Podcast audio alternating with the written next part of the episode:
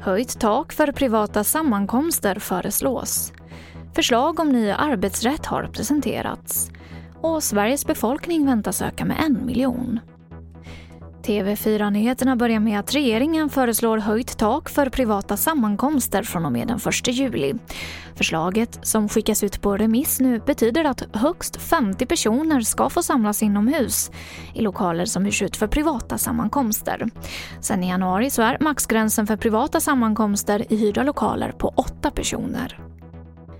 Tre anställda får undantas från turordningsreglerna vid uppsägning och ett stort omställningsstöd sätts in för de som förlorar arbetet. Ja, det här är några av förändringarna som arbetsmarknadsminister Eva Nordmark berättade om idag när förändringarna i arbetsrätten presenterades.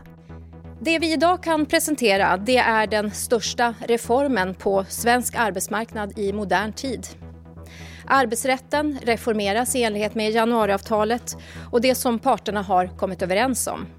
Företagen får ökad flexibilitet och möjligheter att anställa samtidigt som vi skapar en bättre balans i anställningsskyddet.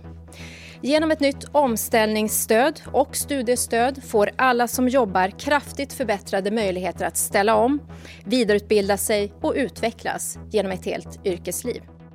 Flygbolaget SAS ser en kraftig ökning i antalet passagerare i maj. Jämfört med april steg de resande med 20 procent och det här motsvarar 400 000 passagerare. Bolaget ökade samtidigt kapaciteten med 9 procent för att möta den stigande efterfrågan.